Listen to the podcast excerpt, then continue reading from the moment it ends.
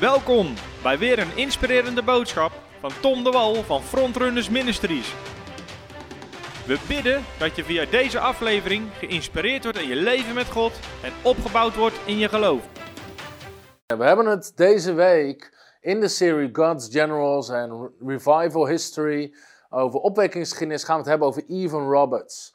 En de opwekking die is gebeurd in Wales in 1904, 1905. En volgende week wil ik samen kijken naar de opwekking van Azusa Street. Nou, ik zat vandaag na te denken over deze opwekking. En, en iets wat mij ontzettend raakte van de opwekking is de gigantische impact die het heeft gehad op Wales. En in no time bekeerden honderdduizend mensen zich tot Jezus. En ik ga er straks wel iets meer over vertellen. Maar eigenlijk deed het me denken aan de belofte uit Handelingen hoofdstuk 2. Waar de Bijbel zegt, en ik hoef het eigenlijk niet te lezen, maar Handelingen hoofdstuk 2, daar staat: God zal zijn geest uitstorten op alle vlees, op alle mensen. En het refereert natuurlijk naar het Oude Testament, waar de geest van God in het begin eigenlijk alleen maar kwam op koningen, priesters en profeten. Zij hadden de geest van God voor hun taak gekregen. En nou, het Nieuwe Testament kan iedere gelovige de geest van God ontvangen. Maar tegelijkertijd uh, is het uh, een soort. Uh, God zal zijn geest uitstorten op alle vlees. Dus op ontzettend veel mensen. En in handelingen zien we dat gebeuren, waar 3000 mensen op één dag tot geloof komen. En op andere plekken, zoals in handelingen 19, hele steden, hele plekken geraakt werden met het evangelie. En, en dat is een gigantische belofte. God gaat zijn geest uitstorten op alle vlees. En in, in, de in de Wales Revival zien we eigenlijk dat dit kan. En daarom delen we deze lessen van opwekkingsgeschiedenis ook. Ik moest ook in de voorbereiding naar deze les weer denken aan het verhaal van Roger Bannister en de 4-minute mile. En Roger Bannister was een hardloper en jarenlang dachten mensen dat het onmogelijk was om één mijl binnen vier minuten te lopen. Wetenschappers hadden het onderzocht, zeiden onmogelijk, kan het menselijk lichaam niet. Nog nooit iemand had gedaan. Iedereen zei onmogelijk, dat gaat nooit gebeuren. Tot op een dag, Roger Bannister. Hij liep 1 mijl binnen 4 minuten. 3 minuten, 59 seconden en zoveel honderdste. En vanaf die dag is dat record keer op keer op keer verbroken door andere topsporters. Maar wat nodig was, was iemand die het voordeed. Iemand die liet zien, het kan, het is mogelijk. En daarom hou ik zo van deze opwekkingsverhalen. Dat deze mannen en vrouwen van God uit al deze verhalen, ze laten ons zien, het kan. Het is mogelijk. En ik bid dat er een soort vlam, een vuur van opwekking geboren wordt in je hart. Dat het geboren wordt in je hart als we het hierover hebben. En als we al deze verhalen delen over uitstortingen van de geest van God, mensen die massaal tot geloof komen, dingen die, we, die velen van ons in ons leven niet hebben meegemaakt, maar dan doet dat dan laat dat iets geboren worden in ons hart van het kan, het is mogelijk. Natuurlijk lezen we in het woord van God, in de Bijbel, over het leven van Jezus, over het leven van profeten, zoals Elia en Elisa, over de apostelen, over Paulus, over de gelovigen in handelingen. Maar dat lijkt voor ons ontzettend ver weg, bijna ver van ons bedshow, ondanks dat de Bijbel het ons belooft. En we gaan ervoor en we zien het steeds meer gebeuren. Um, het mooie aan dit soort verhalen is net 100 jaar geleden, of sommige nog geen 100 jaar geleden, zoals het verhaal van Jan Stewart. En dat moet in ons hart iets geboren laten worden wat zegt: het kan. Hier gaan we voor. Dit is wat we willen. En ik geloof ook, hoe meer we deze verhalen horen, hoe meer we ze lezen. En daarom zet ik met alles wat ik heb me erop in om die verhalen te verspreiden via dit onderwijs. Gewoon gratis beschikbaar maken naar zoveel mogelijk mensen. Omdat ik wil dat er iets in je hart geboren wordt wat zegt: dit is wat ik wil. Ik wil opwekking. Ik wil zien dat de Bijbel leeft. Ik wil zien dat wat de Bijbel zegt dat het waarheid is. Als ik handen leg op zieken, dan gaan ze genezen. Dat demonen uitgedreven gaan worden. Dat de geest van God uitgestort wordt, zoals beloofd is. En dat moet geboren worden in je hart. En hoe meer we deze verhalen horen, hoe meer ik geloof dat we klaar zijn met kerkjes spelen. Dat de kerk niet langer een club is van gezelligheid, wat bij elkaar komt op zondagmorgen, maar dat we beseffen, we hebben de opdracht gekregen van Jezus, maak hele volkeren tot mijn discipelen, genees zieken, wek doden op, drijf demonen uit. Weet je, de radicale opdracht van Jezus Christus is een realiteit en kan realiteit worden in onze levens. En als we verhalen horen van de mannen en vrouwen van God en opwekkingen, dan gaan we zien, het kan, het kan. Weet je, we, moeten ervoor gaan. We moeten hierin gaan staan. Het is klaar met kerkjes spelen. Het is klaar met kerkjes spelen. En daarom, nu we in deze tijd leven, zelfs met corona en alles wat er aan de hand is, de Bijbel zegt juist hoe groter de duisternis. In Jezaja hoofdstuk 60. Terwijl duisternis over de aarde ligt, over ons moet het licht van God gezien worden. Over ons moet de heerlijkheid van God gezien worden. Dit is onze tijd om op te staan en te schitteren. En te laten zien dat, we, dat, dat er een verschil zit tussen de kinderen van God en mensen die Hem niet kennen. Dat we een ander fundament hebben, dat we geen angst hoeven te kennen, dat we anders zijn. En daarom, ik geloof met mijn hele hart, het is klaar om kerkje te spelen.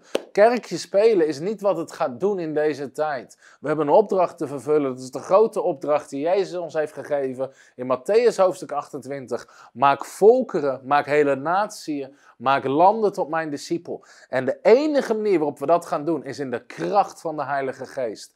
Niet door, niet, door, niet door organisatie, niet door dingen mooi aan te pakken, maar door de kracht van de Heilige Geest. Jezus zei in Handeling hoofdstuk 1, vers 8: Je zal kracht ontvangen als de Heilige Geest over je komt. Om mijn getuige te zijn. Om die opdracht te vervullen die ik je heb gegeven. En op die manier vervulde de kerk van Handelingen de opdracht die Jezus gaf. En al deze verhalen, die doen iets in ons hart. Dat laat geboren worden in ons hart het opwekkingsvuur, wat laat zien: het kan, het kan. En dit is waar we voor willen gaan. En dat is ook mijn gebed: dat de christenen in Nederland niet genoeg nemen met een fijne kerkdienst. Er moet iets gebeuren in je hart. Er moet iets gebeuren in je leven. Dat je zegt: Ik ga niet voor een fijne kerkdienst. Ik ga voor een beweging van God. Ik ga voor een uitstorting van de Heilige Geest. Ik ga ervoor om ons land veranderd te zien worden door het evangelie van Jezus Christus. Ik ga ervoor dat mijn generatie gered gaat worden. Dat iedereen in mijn generatie zal weten dat Jezus leeft. Dat is wat moet gebeuren in het hart van iedere christen. Niet langer christen uit gewoonte. Niet langer naar de kerk gaan vanuit religie omdat het zo hoort of omdat je het meegekregen hebt. Maar dat er in je eigen hart een verlangen naar opwekking geboren wordt. Een honger naar opwekking.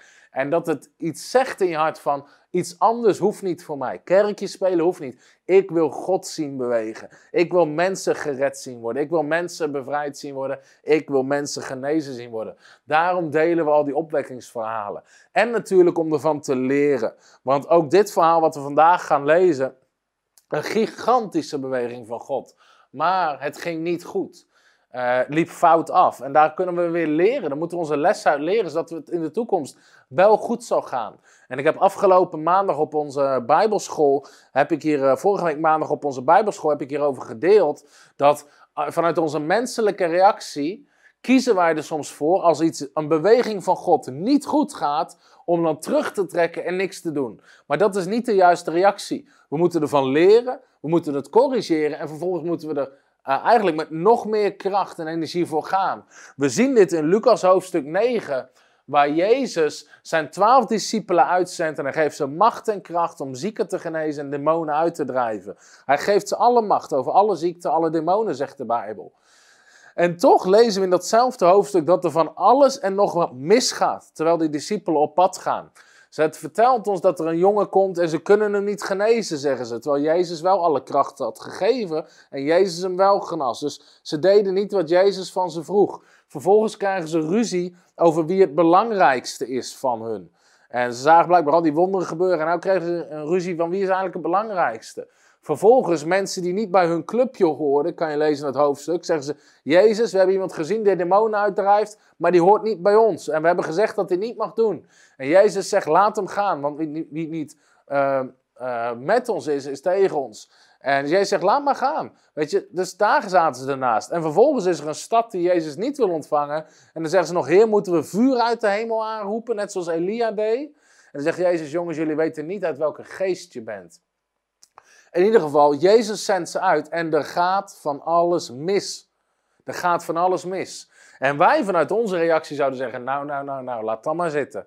Als het zo moet, dan hoeft het niet. Als we er nog niet klaar voor zijn, laat dan maar zitten. Maar zo is God niet. Want ondanks de opwekkingen die we zien die misgaan, zegt God niet: Oh, dan hoeft het niet meer. En Jezus ook niet. Want in Lucas hoofdstuk 9 stelt hij de, uh, zendt hij de twaalf uit. En ondanks dat het misgaat, hij corrigeert ze iedere keer. Maar dan Lucas hoofdstuk 10 zegt, en Jezus zond nog 70 anderen uit. Dus Jezus bleef doorzetten met de beweging van de geest van God, ondanks dat het soms misging. En dat is een goed woord. Oké, dus dat is even waarom we deze lessen delen. En ik geloof dat dat zo belangrijk is. Dus nogmaals, ik bid ook, terwijl je dit kijkt, dat er een verlangen in je hart geboren wordt. Naar een beweging van God, naar een beweging van de geest. Dat het vuur van de geest, waar je nu ook zit, waar je ook bent, dat het je raakt. Dat het iets doet opstaan in je hart, dat het een verlangen doet opstaan. Die zegt, kijk, je spelen is niet genoeg. Ik wil een beweging van God zien. En als je deze uitzending kijkt, wil ik je ook gewoon aanmoedigen. Deel deze uitzending met zoveel mogelijk mensen. Ook als die op YouTube staat. Stuur die link naar mensen. Zeg, moet je dit horen? Hier is waar we voor moeten gaan. Dit is wat we willen zien. Hier gaan we voor bidden en hier gaan we in uitstappen. En vandaag gaan we het dus hebben over de opwekking van Wales. En het verhaal van Evan Roberts. En het is nogmaals het is een dubbel verhaal. Het is aan de ene kant een verhaal van een gigantische opwekking. En aan de andere kant een opwekking die fout afliep. En...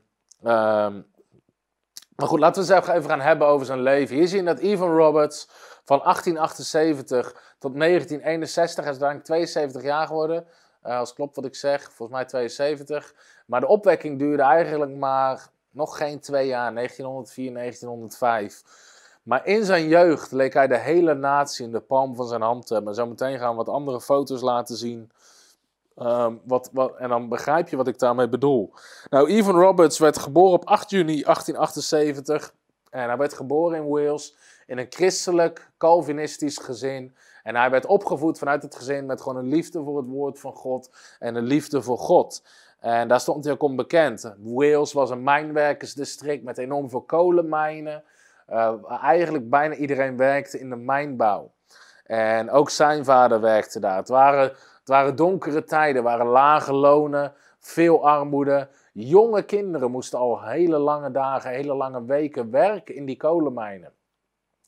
Ook Evan Roberts. Zijn vader, als hij zelf negen jaar oud is, krijgt zijn vader een ongeluk in de mijn. En daardoor kan zijn vader niet meer werken. En is Evan Roberts op negenjarige leeftijd verantwoordelijk om het inkomen in het gezin te brengen. En moet hij dus op negenjarige leeftijd zes dagen per week, 12 uur per dag, dus 72 uur per week werken in de mijn. Wat ontzettend slecht was voor je gezondheid. En vanaf negenjarige leeftijd komt hij daar. En terwijl hij opgroeit, gewoon, en daar, daar groeit hij dus op. En dat was zijn leven op jonge leeftijd. Maar hij had een diepe honger voor het woord van God. Hij nam altijd zijn Bijbel mee, de mijn in, wat eigenlijk niet mocht, maar die verstopte hij dan in zijn kleding. En als hij maar even kans had, las hij zijn Bijbel, las hij Bijbelteksten, leerde die Bijbelteksten uit zijn hoofd. En op een gegeven moment, toen hij wat ouder was, ging hij bij de ingang van de mijn staan. En iedere mijnwerker die naar binnen ging, hij zorgde dat hij als eerste was, gaf hij een Bijbeltekst mee. En aan het eind van de dag, als ze er weer uitkwamen, vroeg hij aan hen wat de Bijbeltekst was. Dus alle mijnwerkers was hij het woord van God aan het leren. En veel mensen in die tijd gingen naar de kerk vanuit religie, vanuit verplichting, vanuit gewoonte. Uh, ook vanuit gewoonte baden ze voor het eten.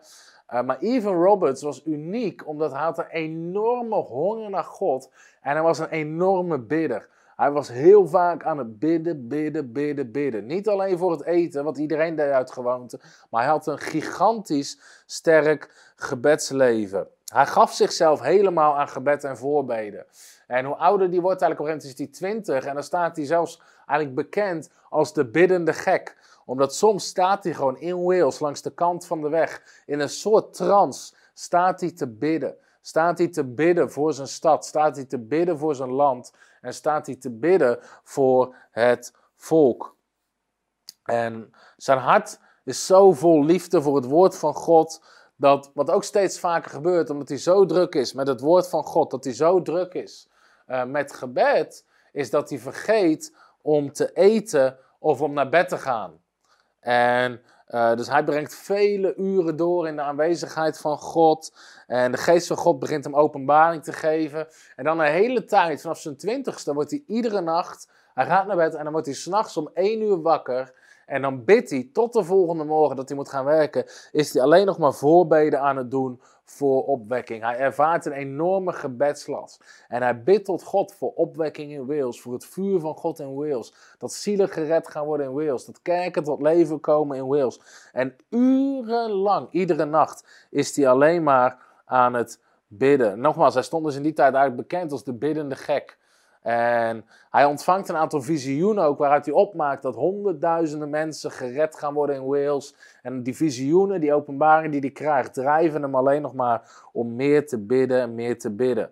Nou, een aantal mensen in zijn leven zijn natuurlijk, joh, dit is veel te extreem, dit loopt uit de hand. Uh, weet je, doe eens normaal. En het enige wat Ivan erop zei, zij zei, de geest van God drijft me om te bidden. De geest van God leidt me. Het is de geest van God die me wakker maakt. En gedreven door de geest blijft hij dat gebedsleven volhouden. En zelfs verhalen dat s'avonds, destijds als het licht, als de olielamp uitging en iedereen donker was, ging iedereen slapen. Het enige wat ze nog hoorden uit de kamer van Ivan Roberts was gebed, gebed, gebed. Hij was aan het bidden voor opwekking. De geest van God komt in deze periode gigantisch op hem, omdat hij zoveel uren, uren, uren, uren, uren doorbrengt in de tegenwoordigheid van God. En dan op een gegeven moment in een kerkdienst vraagt de voorganger uh, vraagt of dat Ivan Roberts het gebed wil leiden die zondagochtend. En Ivan Roberts die komt dan naar voren en die begint te bidden. En die begint niet zomaar te bidden, maar begint daar niet wat mensen gewend waren, een lief gebed uitspreken, maar begint in de kracht van de geest te bidden voor in de kerk. En terwijl die aan het bidden is, komt de geest van God komt, komt krachtig daar in die samenkomst. En na de dienst is die voorganger zo geraakt dat die voorganger vraagt: Wil je niet voltijds in de bediening komen? Wil je niet voltijd meekomen helpen? En hij krijgt die kans en hij grijpt, hij grijpt die kans dan ook aan. En dan predikt hij en dan leidt hij de diensten in de Moriah Chapel. En je mag even de tweede foto van Evan Roberts opzetten. En in deze tijd, hier zie je een, uh, een foto van de jonge Evan Roberts. En in deze tijd ontvangt hij ook krachtige aanrakingen van God. En in 1903, terwijl hij aan, aan is voor opwekking, krijgt hij, krijgt hij echt een, een beeld dat, hij, uh, dat God grote opwekking gaat geven in Wales. En op dat moment beginnen steeds meer kerken mee te bidden voor die opwekking. En in 1904, vlak voor de opwekking, gebeurt er iets wat, wat eigenlijk typerend is voor de rest van zijn leven. En waardoor het ook fout is gelopen. Namelijk dat Ivan Roberts kwam in een soort depressie terecht. Omdat hij eigenlijk bang was dat hij niet genoeg deed voor de Heilige Geest. Of dat hij niet de volheid van de Heilige Geest kon ontvangen in zijn leven. Dat hij ergens de wil van God zou missen. En dan kwam hij heel enorm diep in een depressie terecht.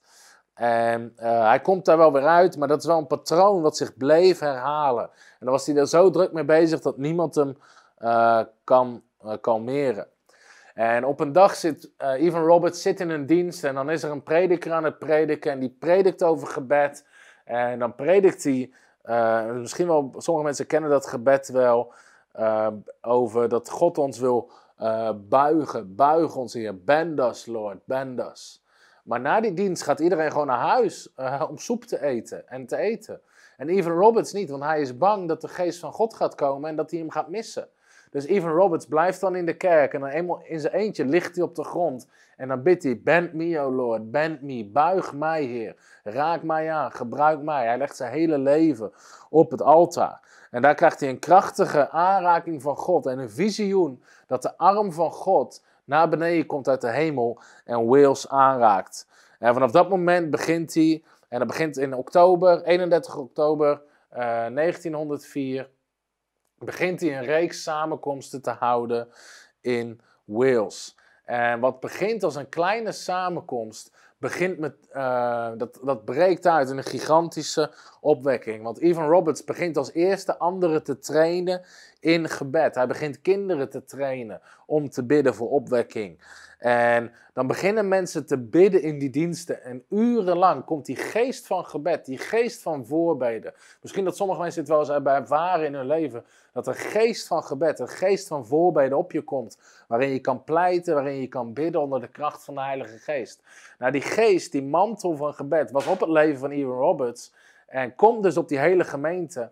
En samenkomst na samenkomst na samenkomst zijn mensen alleen maar aan het bidden, aan het bidden, aan het bidden. En de samenkomsten duurden tot vier uur s'nachts. En om zes uur s morgens begonnen ze weer.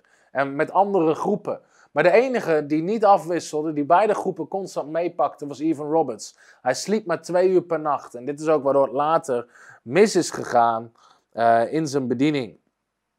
En uit deze gebedsbeweging ontstaan andere jongeren die ook gebedsdiensten beginnen te houden. En door heel Wales breekt eigenlijk deze beweging van gebed breekt uit. En dat vuur van God, dat komt van de een op de ander. En Evan Roberts wilde ook niet bekend staan als leider van die opwekking. Uh, want hij wilde eigenlijk, zelfs in diensten die hij leidde, was hij niet aan het prediken. Hij lag op de grond, hij zat op zijn knieën en was aan het bidden, aan het bidden, aan het bidden. En terwijl hij aan het bidden was, kwam de geest van God. En mensen horen van die beweging van God. De aanwezigheid van God is zo sterk dat duizenden mensen erop afkwamen.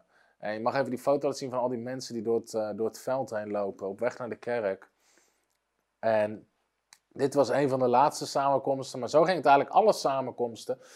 Mensen hoorden van de opwekking, van de beweging van God die gaande was. En mensen kwamen overal vandaan, pasten niet meer in de kerkgebouwen.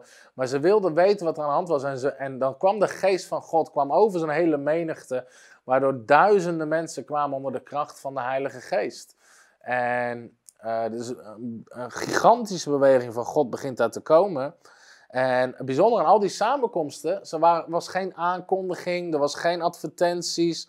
Ze kwamen gewoon bij elkaar. Ivan Roberts was geen krachtige prediker, had geen charismatische persoonlijkheid. Gewoon een groep mensen kwam bij elkaar. Ze begonnen te bidden voor de kracht van God. De kracht van God kwam en duizenden mensen stroomden er naartoe. En heel soms predikte hij. Maar als hij dan opstond om te prediken, was het hooguit een kwartier. En hij predikte een krachtige boodschap om, over bekering en, en Jezus Christus zijn verlossingswerk. En duizenden kwamen daar tot geloof. En er gebeurt dan iets gigantisch. En daar gaan we even een paar foto's van laten zien. Om te laten zien hoe groot dit was. Want binnen twee maanden, als deze beweging begint te ontstaan. bekeren meer dan 70.000 mensen zich tot Jezus. En overal op straat zijn mensen het vuur van God, het evangelie aan het delen. Je mag even een paar foto's van de menigtes laten zien. Dit soort samenkomsten beginnen te ontstaan. Gigantisch, met duizenden mensen die zich verzamelen. Dit is een foto van de Wales Revival. Rondom een tent waar duizenden mensen zich verzamelen. En hier zie je nog een gigantische menigte. Ook van de Wales Revival. Waar ik, ik heb geen idee hoeveel mensen dit zijn, maar het is lastig in te schatten. Maar dit zijn er duizenden. Misschien staan hier wel 10.000 mensen of meer bij elkaar. Zover als je kan kijken, zie je mensen. En, en rond, binnen de eerste twee weken komen 70.000 mensen tot geloof. En dat bouwt zich alleen maar meer uit. En kroegen, voetbalstadions worden gesloten. Niet omdat er tegen gepredikt wordt, maar niemand heeft er interesse in. Iedereen is bezig met de opwekking. Uh, in de mijnen wordt er gepreekt, in kroegen wordt gebeden, in scholen wordt aanbeden. Uh, gewoon in winkels, terwijl mensen aan het winkelen zijn, komt de geest van God. Mensen knielen neer, vallen op de grond en komen tot Jezus. En door de hele landstreek worden bidstonden gehouden, die dag en nacht doorgaan. Ook in de bijeenkomsten, mensen beginnen te lachen, mensen beginnen te huilen, mensen beginnen te dansen, mensen vallen in de geest. Het is gewoon één grote beweging van de geest van God. En, en dat was ook soms wel de kritiek die er was op de opwekking, dat het leek soms zo'n chaos, omdat er zat heel weinig organisatie in. Het was niet, oh morgen van 10 tot 3 komen we samen. Nee, Weet je, ze kwamen in één keer samen. Evan Roberts kwam naar een gebedsdienst. Hij begon te bidden. De geest van God kwam. Duizenden mensen kwamen erop af. Sommigen vielen in de geest. Anderen begonnen te lachen. Anderen begonnen te dansen van vreugde. Anderen gaven hun leven aan Jezus. Anderen waren aan het bidden. Het gebeurde gewoon. Het was gewoon gigantisch wat daar gebeurde. En binnen no time hoort heel Engeland hoort van de opwekking. En bizarre dingen gebeuren er. Maar politieke vergaderingen worden gecanceld. Want er komt niemand opdagen. Want iedereen is aan het bidden, is, is zich aan bekeren, is in de samenkomst. Voetbalwedstrijden gaan niet door, omdat zowel de sprekers als de fans niet opkomen dagen. Theaters sluiten vanwege het lage aantal bezoekers. En gok- en alcoholzaken kunnen gewoon hun zaak sluiten omdat er geen klanten meer zijn.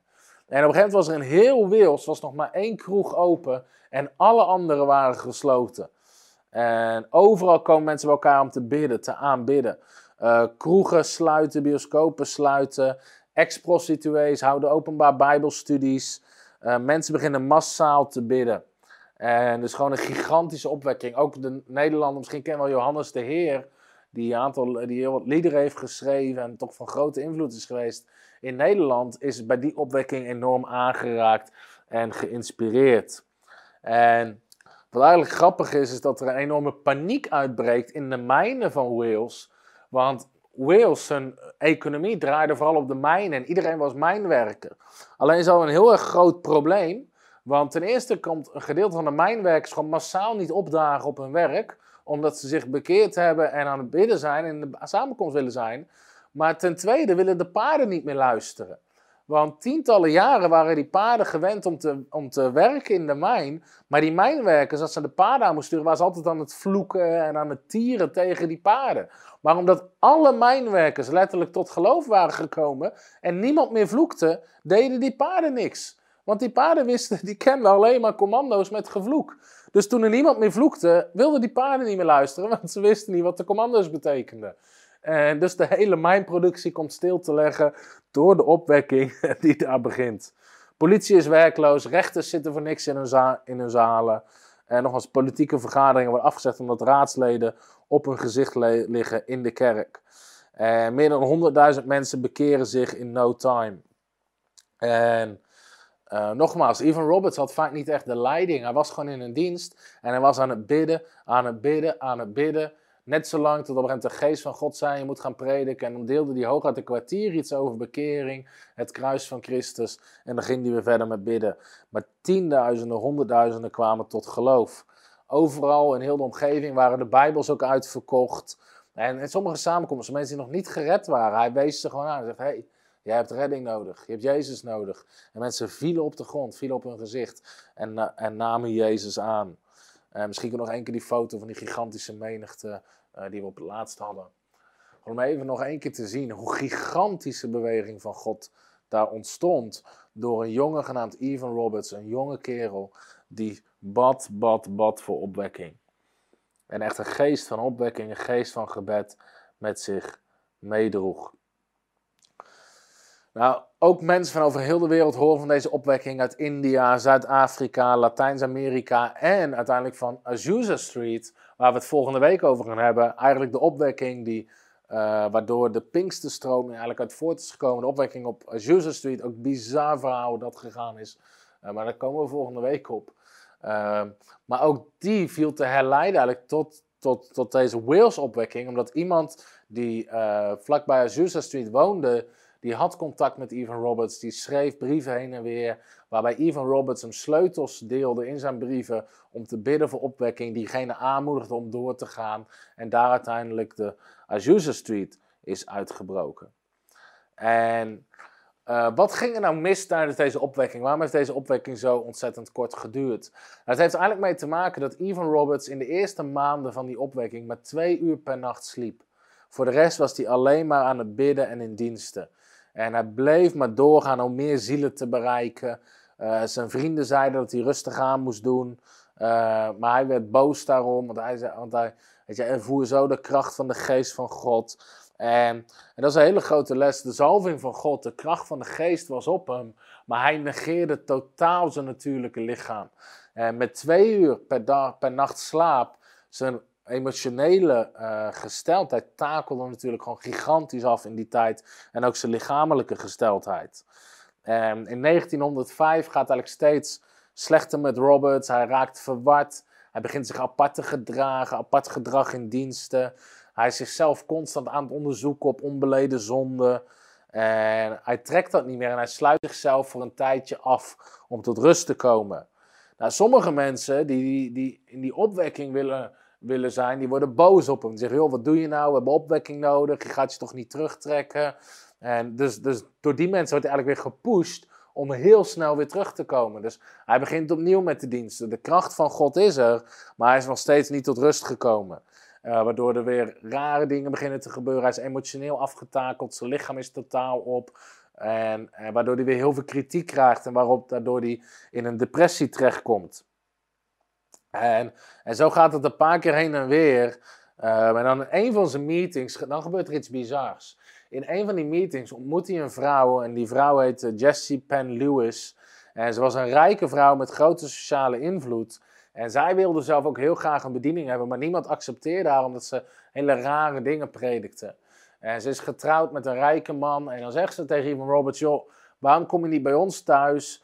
Uh, dan, dan, bouwen we een huis voor je. Ze hadden een gigantisch grote tuin. En dan kan je daar tot rust komen. En dan kan niemand bij je komen, kan niemand je lastigvallen.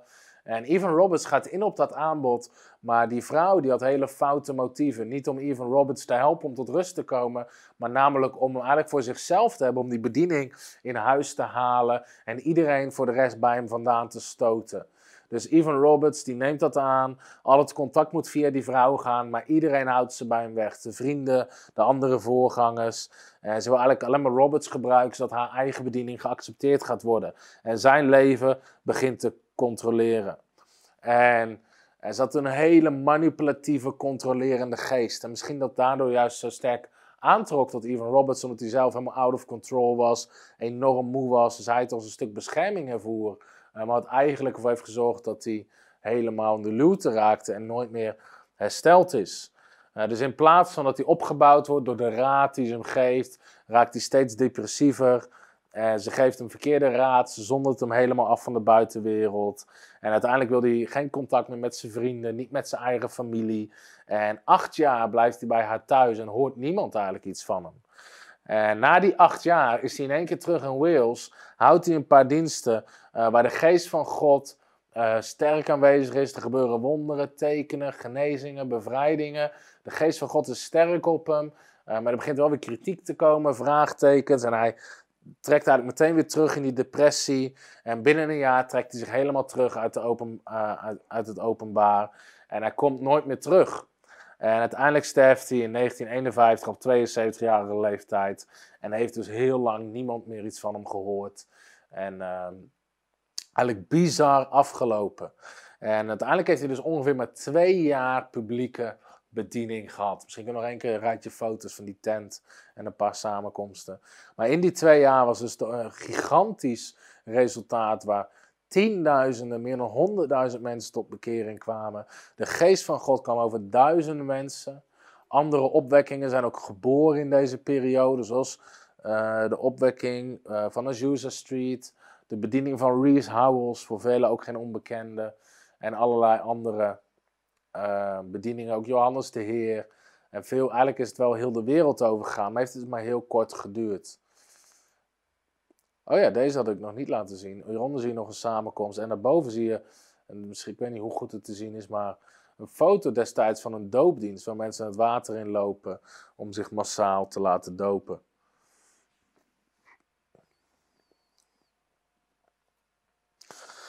Maar goed, dat is dus het verhaal van de Wales Revival. En ik wil even heel kort vier sleutels daar gaan delen. Dus nogmaals even de opbouw. begon met Evan Roberts, een jonge man met een hart vol gebed. Die niks anders deed als bidden, bidden, bidden voor opwekking. Waar de geest van God op komt in samenkomst. De opwekking breekt uit. Binnen, binnen no time bekeren honderdduizend mensen zich tot Jezus. Kroegen sluiten, theaters sluiten, bioscopen gaan dicht. Prostituees houden bijbelstudies. Uh, er zijn geen voetbalwedstrijden meer. Een gigantische opwekking. De mijnen liggen stil omdat er niet meer gevloekt wordt en de paarden niet willen luisteren. Maar eigenlijk zo, opeens als het begon, is het ook weer afgelopen. Omdat Evan Robbins maar twee uur per nacht sliep en emotioneel helemaal in de knoop raakte. En geestelijk helemaal in de knoop raakte. En er zijn dus een aantal lessen die ik wil delen uit deze opwekking. Ten eerste is het belang van gebed en honger. En die twee gaan samen. Maar opwekking heeft vaak zijn basis altijd in gebed. Mensen die God zoeken, mensen die God bidden. Net zoals de uitstorting van de geest in Handeling hoofdstuk 2. Waar de 120 mensen samenkwamen in die bovenkamer. En net zolang God gingen zoeken tot ze een beweging van God hadden. En dat zie je eigenlijk met al die mannen en vrouwen van God. Ze waren niet tevreden met de status quo. En daar begon ik deze uitzending ook mee. Dat ik bid dat je niet meer tevreden bent met de status quo. Maar dat je God gaat zoeken voor een enorme beweging van zijn geest in zijn leven. En dat het klaar is met kerkjes spelen. En dat zag ook bij Evan Roberts. Een diepe, diepe, diepe honger naar God. En onze honger en onze dorst werkt als een magneet naar God, waar God op reageert. God zoekt naar mensen die hongerig zijn, die dorstig zijn, die er helemaal voor willen gaan. En onze honger en dorst naar God, die, uh, dat is gewoon een magneet. En ik heb opwekkingspredikers ook vaak horen prediken hierover. Dat, dat ze zeiden, het enige, mijn, mijn enige taak is om jou hongerig te prediken. Om jou dorstig te prediken. Want als jij hongert en dorst naar God, dan komt God in je leven. Dus dat is waar God mee werkt. Een andere les van de Wales Revival was de diepte van de bekering. En ik bid ook dat dat weer terugkomt in de kerk. Het was niet zo, die mensen werden christen, dus gingen ze op zondag naar de kerk. Nee, hun hele leven veranderde. Hun hele leven veranderde. Mensen waren bezig om zich te bekeren. Mensen konden niet op hun werk komen dat ze gaan bekeren waren. Hun hele leven veranderde. En dat is Jezus leren kennen. Diepe, diepe bekering. Diepe afkering van wat er in je leven is wat niet goed ziet. En een diepe toewijding aan Jezus Christus. Het is niet, je wordt christen en je komt naar de kerk. Nee, je maakt een diepe bekering door. Een andere, de derde les van deze opwekking is eigenlijk handeling hoofdstuk 2. God zal zijn geest uitstorten op alle vlees. Het kan. Laat het zien in deze opwekking. Hoe, als God komt met zijn geest, hoe God in no time honderdduizenden mensen kan bereiken met het evangelie. En hoe honderdduizenden mensen hem leren kennen. Als de geest van God uitgestort wordt, als mensen hongerig zijn, dorstig zijn, in eenheid beginnen uit te roepen, dan laat deze opwekking eigenlijk zien wat in no time wat er kan gebeuren. Maar misschien wel de meest belangrijke sleutel van deze opwekking, of sleutel, de meest belangrijke les, is er ook een stuk balans.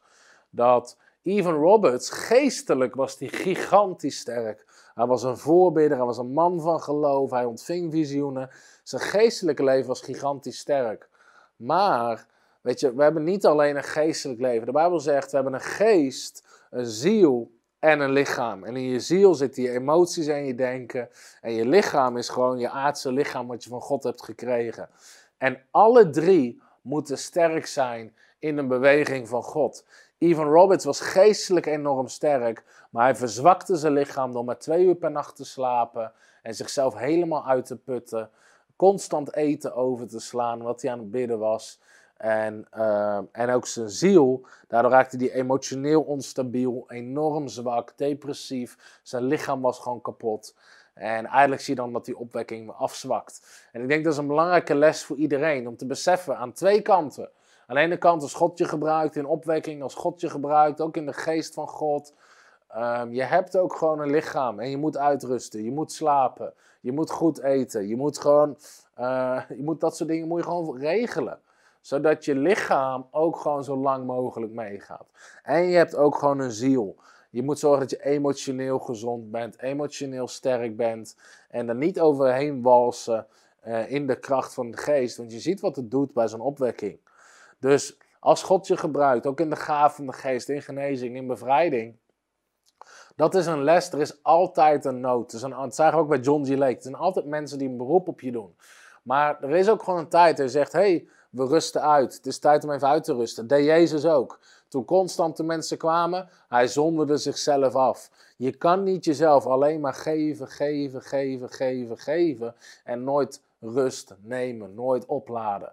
En Evan Roberts deed dat nooit. En dan zie je hoe snel een opwekking eigenlijk ook weer afloopt.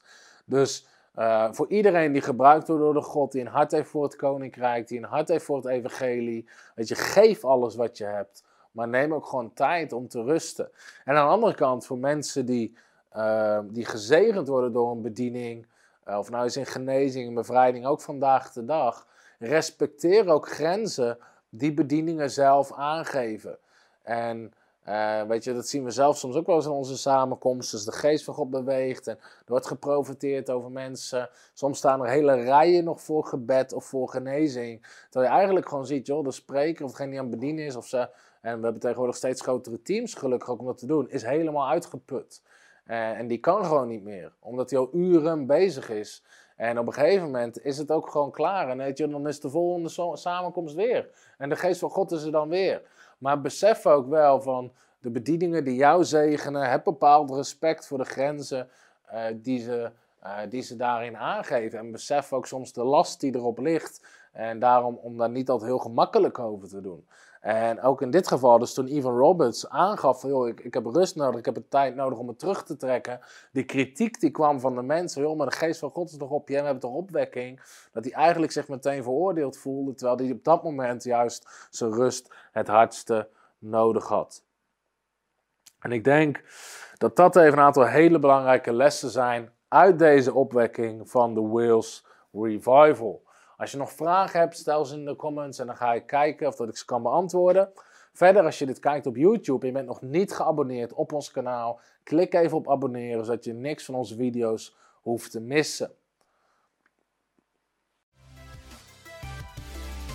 Hallo, Tom de Wol hier en bedankt dat je weer geluisterd hebt naar onze podcast. Ik bid dat het je geloof gebouwd heeft en je bemoedigd bent. Als je niet alleen een luisteraar van onze boodschap wil zijn, maar ook een verspreider daarvan, wil ik je uitnodigen om partner te worden van Frontrunners.